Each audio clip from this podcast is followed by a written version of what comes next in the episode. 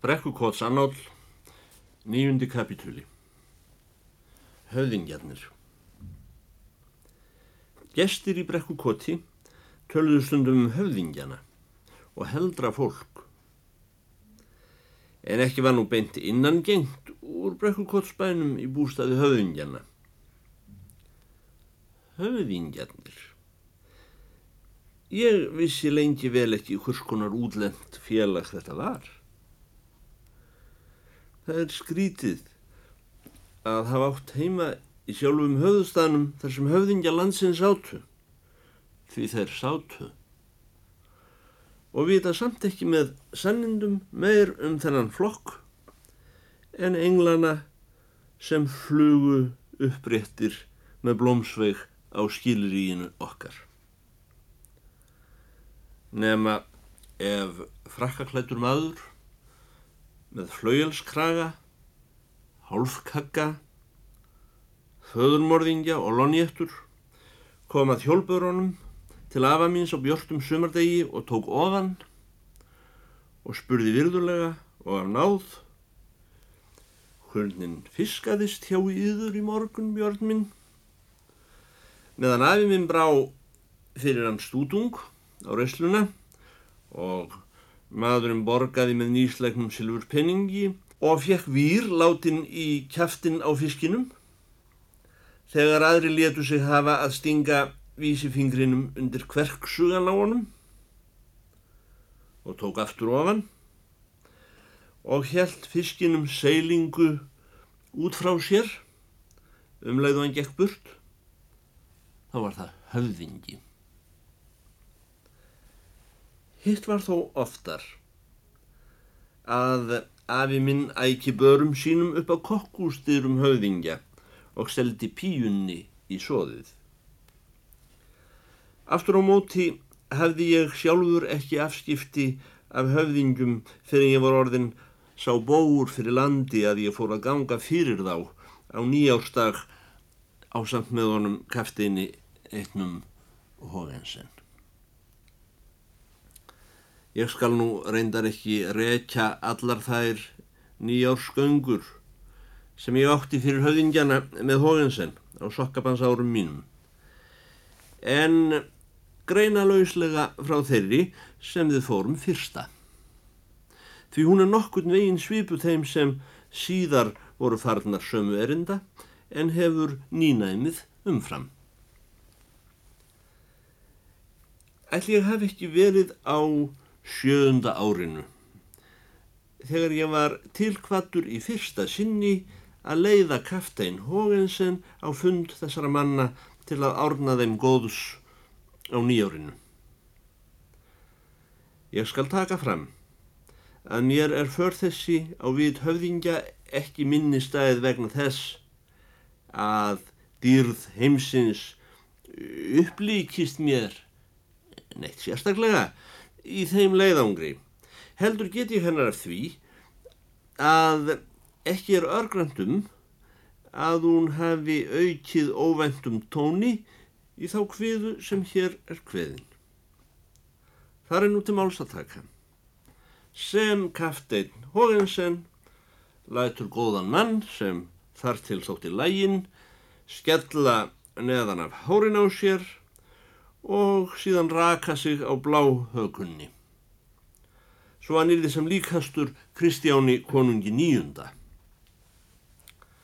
Gafteinn vaknaði fyrir miðjan morgun á nýjársdag og uh, fór að klæða sig upp úr körinni, hægt og gætilega í því myrkri sem frelsarin hafiði sendt honum og horki kjartaljós nýja olíuljós nýja sjálf sólar uppbrásinn og ekkert utan ljós hugpríðinnar fær sigrast á. Þó hann væri eins steinblindur og hægt er að ætlast til með sangirni á nokkrum manni þá fæði hann æfinlega sjálfur hnappana á mundýringunni sinni. Ég hef aldrei séð ekta gull ef það var ekki í þeim hnöppum.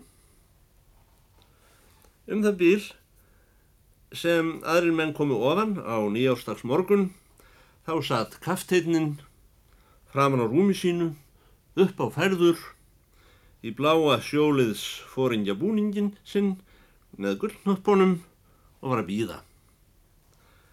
Það gljáði á speilfagurt derið á kaskitinu hans. Hann trúði náðumast þegar honum var sagt að enn væri ekki farið að grána á glugga. En hann bað fylgisvein sinn vera sér nær og segja sér með sannindum hvenar vel ratljóst væri orðið sjáandi mönnum í bænum.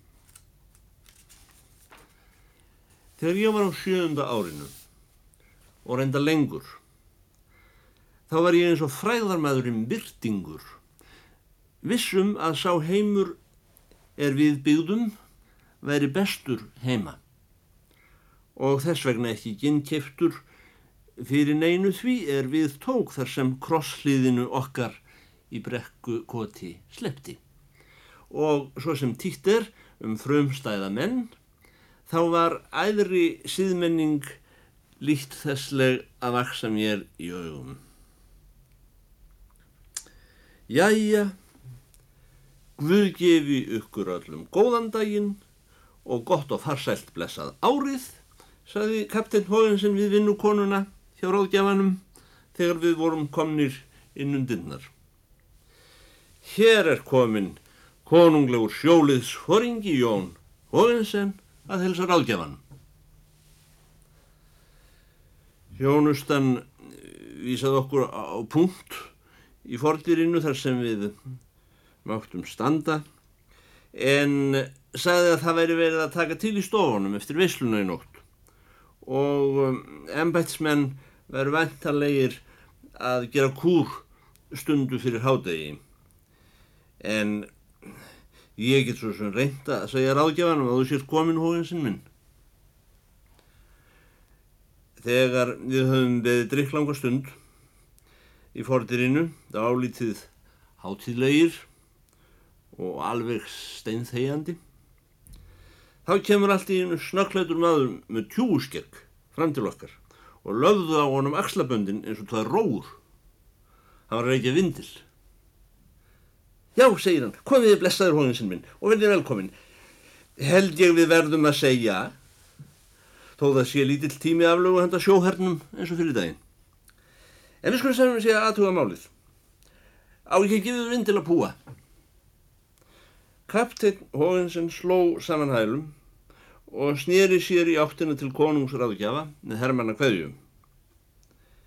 Ég byð Danakonungi og Íður hans manni, hylla og blessunar á ári komanda um leið og ég vil bera fram fyrir íður og majestetinn, ósk og von um bætta stjórnarhætti til handa oss Íslandingum á sjó og landi á í handfarandi tíð.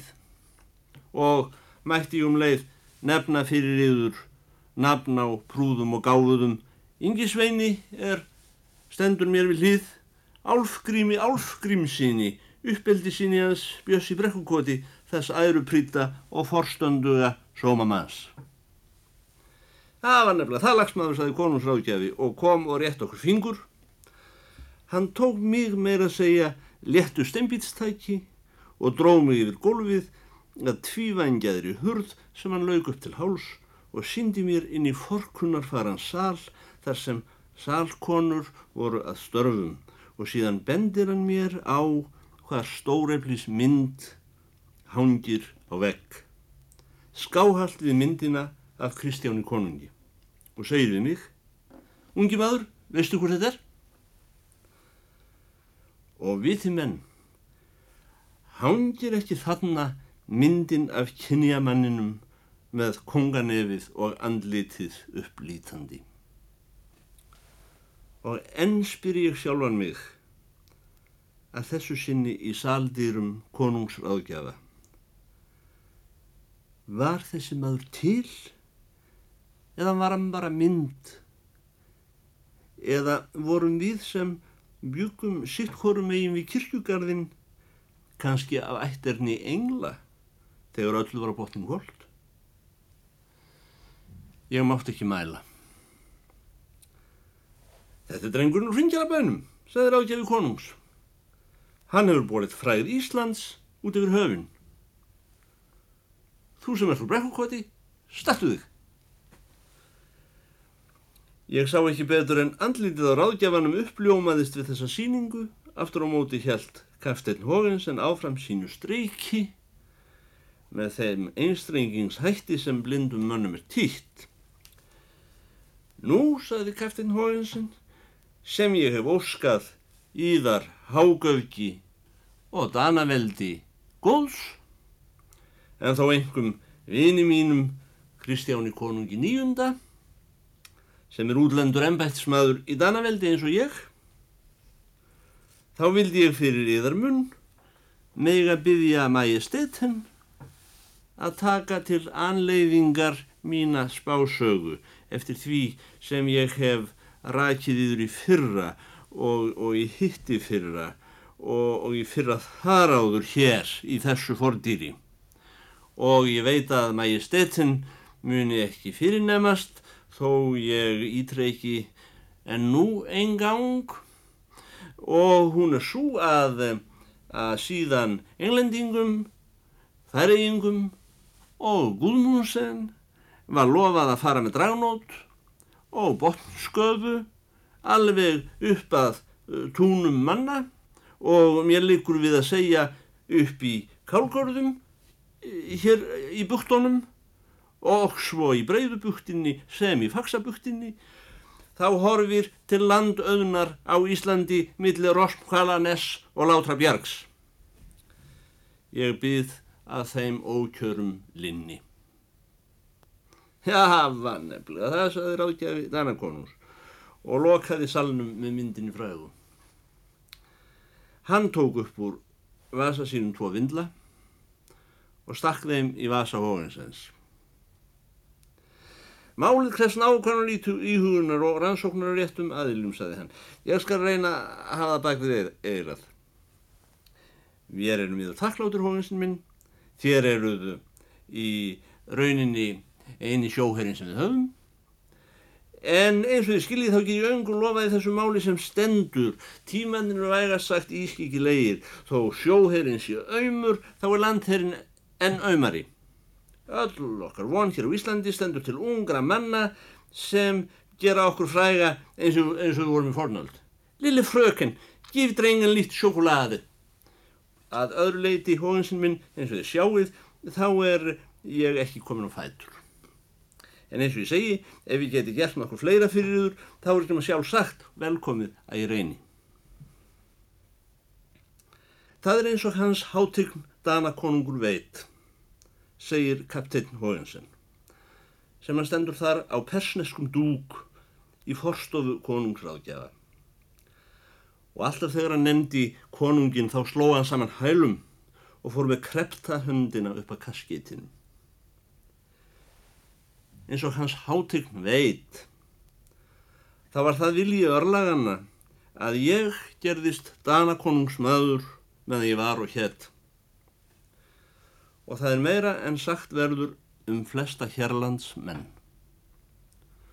Og þó, þó nú sé þar komið fyrir mér að ég spinn rosshár í elliminni eftir því sem síður var til forna að refsa illþýði í bláturni og á Breimarhólmi, þá tel ég mig ekki mannað minni fyrir því og yðrast ekki þeirra þjónustu sem ég veitti konunginum og stríðsfólkinu þegar það fór með orlogsskipum á breyðafyrði. En á hitt ber að líta hvort að myndi ekki danaveldi eh, til enn meira sós ef hans hátegn vildi senda þjón sínum lítil fjörlega tortís af hrosshári úr Danmörku. Til viðbótar þeim rassa reytingi sem mér tekst með harmkvælum að herja út úr líkt stóð eigandi kottkörlum hér út á Íslandi.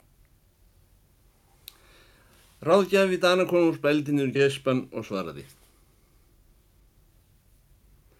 Ég mun sannarlega og víslega hafa þessa bæn í huga hóðansinn minn.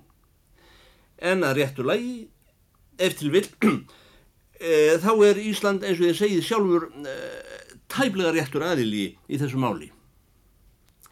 Hins vegar tel ég ekki með öllu ólíklegt að réttir aðiljar í því máli myndu tilkipi leið að álýta, grunda og rannsaka, hvort ekki bæri að rannsaka, grunda og, og, og álýta hvað hægt var í gerisliku mála þessum erfiðu tímum.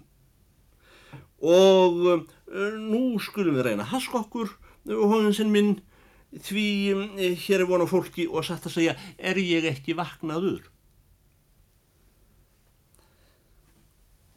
Já, þá á ég nú í rauninni ekki annað eftir en spyrja ráðgjafan hvort hans hágauki sjálfur mun ekki sjá sér fært að mismuna mér lítilli hrosshársvisk undir vorið.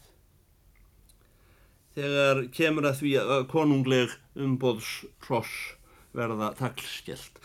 Ég veit sumsi fyrir víst að minn konungur Kristján Níundi sem var skuldugur ómagamadur og þýskur kotbúndi í Holstín.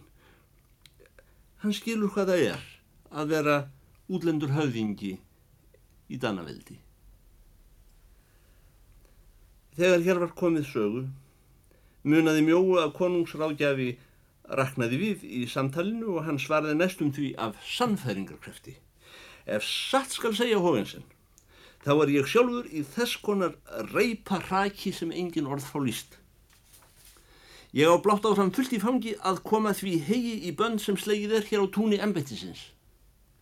Og það er ekki lengra síðan en á jóladag að ég ákvað og fyrirskipaði í samráði við rétta aðilja að þetta konunglega embetti skuli af þeim hrossum sem því eru útlutuð kappkosta að koma sér upp reypum sem þarf og ég hef gert ráðstafanir til að láta uh, tuktursfólkið vinna þessi vantanlega reypi.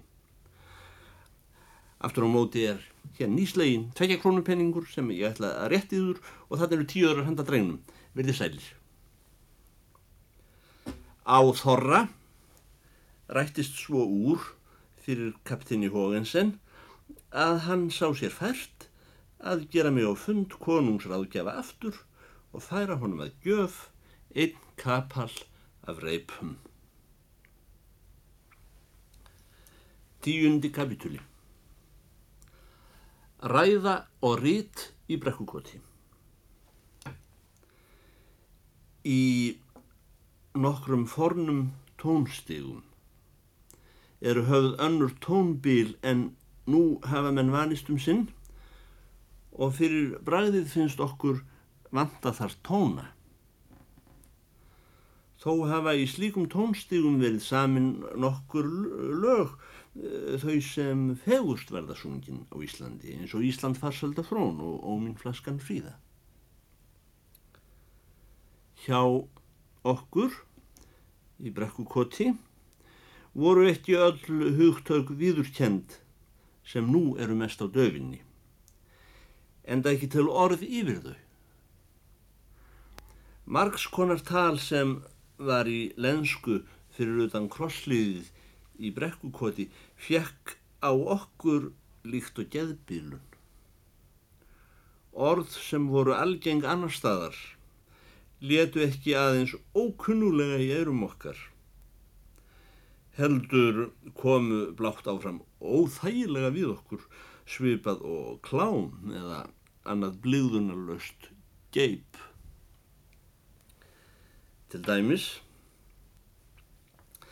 ef einhver notaði í mæltu máli orðið kærleik, þá fannst okkur það eins og einhvers konar létt úðug, óvíðeigandi eða ótímabær tilvittnun í postilluna.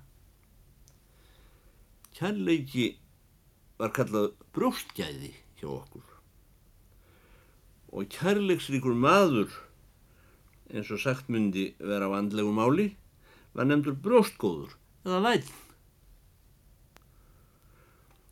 Orðið ást heyrðist heldur aldrei hjá okkur. Nefna ef, ef druknir menn eða ákaflega heimskar griðkonur úr sveit fóru að hafa yfir hvæði eftir nútímaskáld. En slík hvæði voru reyndar að öðru leiti þannig í orðalagi að okkur fór kallt vatnmiðli skins og hörums að heyra þau. Og afi minn settist á lúkunnar stundum út á gardi og fekk snerkjur í andlitið og óg sér í herðum og reyf um sig eins og er komin með lús og saði æja, æja og ó ekki yfirleitt orkaði nútíma skálskapur á okkur eins og veri verið að klóra stríða. Að verða ástfangin var ekki til hjá okkur. Heldur var sagt að einhverjum lítist á stúlku eðlegar að piltur og stúlka verið að draga sig saman. Tilhugalíf mátti nefna en ekki fara lengra út í þá sálma. Mér er eður sæðir að í mínum uppvexti heyrði ég ekki orðið hamingu nema í munni brjálaðrar konu sem komið var fyrir á miðloftinu hjá okkur um stundarsækir og ekki er nefnd í þessari bók. Ég rakst ekki á orðið aftur fyrir ég var orðin stálpaður og farin að sísla við skólaþýðingar. Ég var orðin uppkominn þegar ég held enn að orðið grátur væri dönskusletta. Aftur á móti minnist ég þess er afi minn var spurður að því í viðkvæmum tóni eitt sinn hvernig fólkinu í agur gerði liði sem misthæði fyrirvinnu sína í sjóin árið á undan. Hann svaraði undir eins Það hefur nóa blöytfiskin Eins var algengt svar hjá okkur ef spurt var um líðan einhvers manns. Iss, hann er feitur. En það þýtti að hann liði vel, eða eins og sagt myndi vera í Danmörku að, að hann væri hæmjusamur. Ef einhverjum leiðilla, þá var sagt sem svo, æð það hálf sér á honum og væri sá nær dauða en lífi sem umvarrætt, þá var sagt, æ það er í jónum einhver lurða. Ef einhver var um það bíl að verða elli döður, þá var sagt, að já, hann er hættur að bleita smjörið. Um það sem lág banaleguna var sagt, já, hann er nú að berja nestið aumingin. Um döðvona unling var sagt að það líti ekki út fyrir að hann ætti að kempa hæðrútnar. Um hjónaskilnað var fjallað með þessum orðum. Já, það er einhvert fargan á þeim trúir. Í brekkukoti var sérhvert orð dýrt, litlu orðin líka.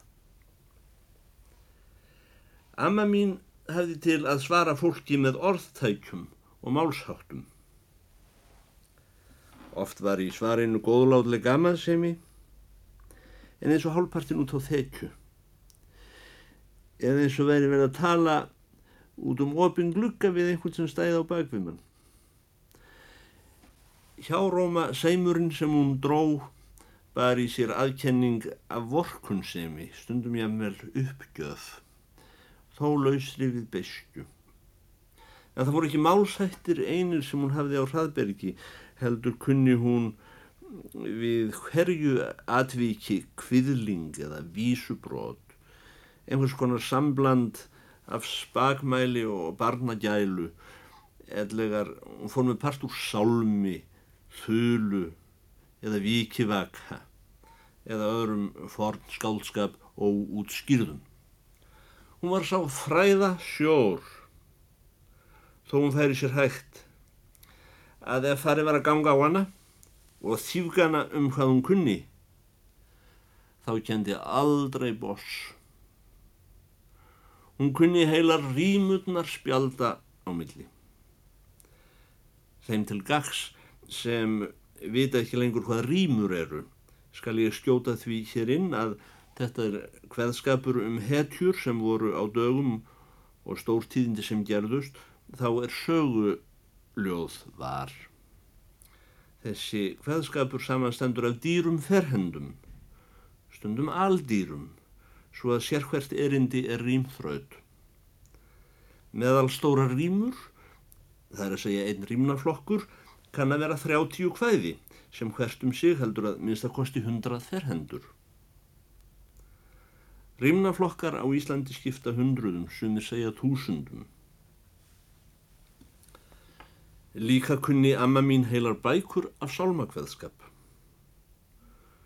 Hún fór stundum með þetta dót fyrir munni sér þegar hún var að prjóna, en ekki fyrir neitt sem var að hlusta og í rauninni ekki fyrir sjálfa sig heldur því hún var oft bersýnilega að hugsa um önnur efni. Væri að einhverju vikið sem mér þótti undrum sæta í sálminum eins og til dæmis hvaða tegundir viðbyts eru hafðar í himnaríki. Og ég byrjaði að hvá. Þá var eins og ég vekti hann af draumi. Hún sagðist ekki vita alminlega hvað hún hefði verið að fara með og náði ekki þræðinum öftur. Ég var aldrei velinnis var við að hún gerði upp á milli vísna fremur en prentari sem setur góðar og vondarbækur jæmt. Það hefði áriðanlega mátt eh, skrifa upp eftir enni þykka doðranda ef nokkur hefði nefnt því. Ég hef ekki trú á því að margir háskólar eigi völ lærimestara sem hafi á takteinum öllu meira af bókmyndum. Þó hef ég fáum kynst sem því væru jafn fjari og þessi kona að vera það sem stundum er kallað litterer og sagt heldra fólki til hrós. Eins og kunnugt er var leskunnóta og skriftar ekki öllu fátíðari á Íslandi fyrir daga prentlistarinnar en á síðan. Í rauninni held ég að amma mín hafi staðið nær því fólki sem uppið var fyrir daga Gutenbergs. Stafrófskver voru ekki höfð á Íslandi.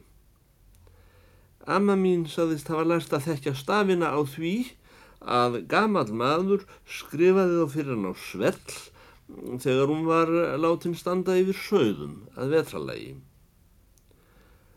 Hún lærði af kellingu að draga til stafs með því að skrifa á óskler með bandprjóni. Þar voru að bauka við þetta stundum í túnsljósi á kvöldin, svo lítið bara á. Amma mín skrifaði mér bref til útlanda árið sem hún var nýræð Það var fjórtán línur að lengd, eins og sonnettan. Ég er búin að glata þessu brefið fyrir löngu, en það er samt til. Ég sé fyrir mér skriftina hennar enn.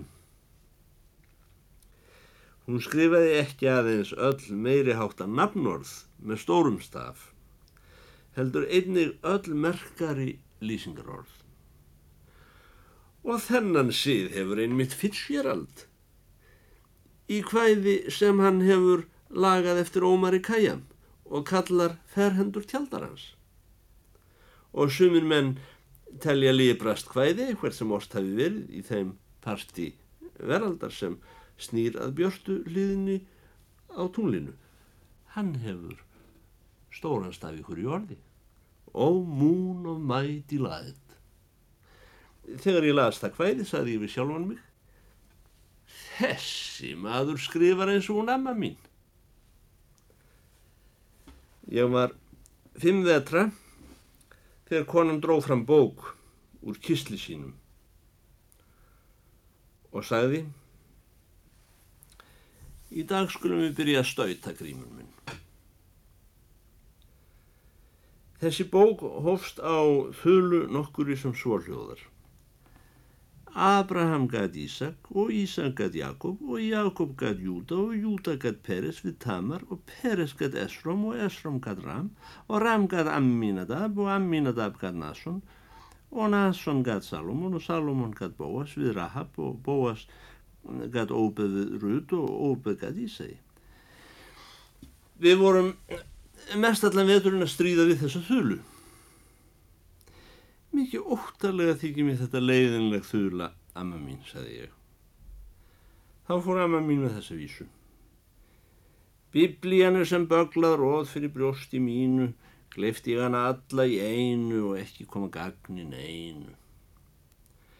Þegar komið á samindur jól, sagði ég, Akkur er þessi þula svona leiðinlega, amma mín? Hún er á hebresku, saði amma mín. En á útmánuðum var ég búin að læra að stauta mig fram úr þuluska minni og upp frá því var ég læs á hraðabók sem var.